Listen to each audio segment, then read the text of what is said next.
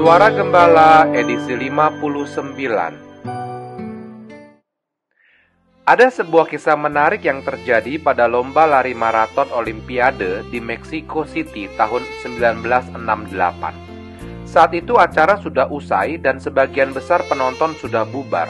Yang tertinggal hanya para petugas dan beberapa wartawan yang sedang membereskan peralatannya. Tiba-tiba dari sebelah selatan muncul Stephen Aquari, seorang pelari maraton asal Tanzania.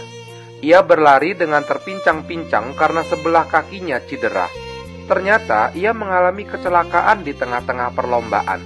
Dengan langkah yang tertatih, ia berusaha mencapai garis finish.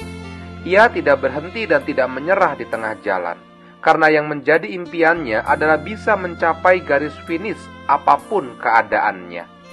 Saudara, Stephen Aquari memberi kita pelajaran berharga untuk mendapatkan apa yang kita doakan dan harapkan.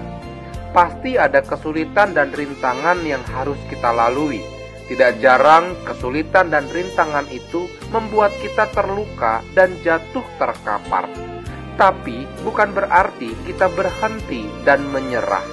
Walau tertatih, teruslah berupaya, teruslah bertekun.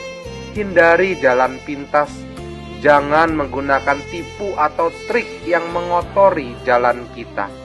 Tetaplah berserah penuh pada rencana Tuhan. Bila yang kita minta dan doakan adalah sesuatu yang baik, Percayalah saudaraku, Tuhan pasti membukakan jalan Anda. Amin. Tuhan pasti buka jalan. Ku tahu Tuhan pasti buka jalan.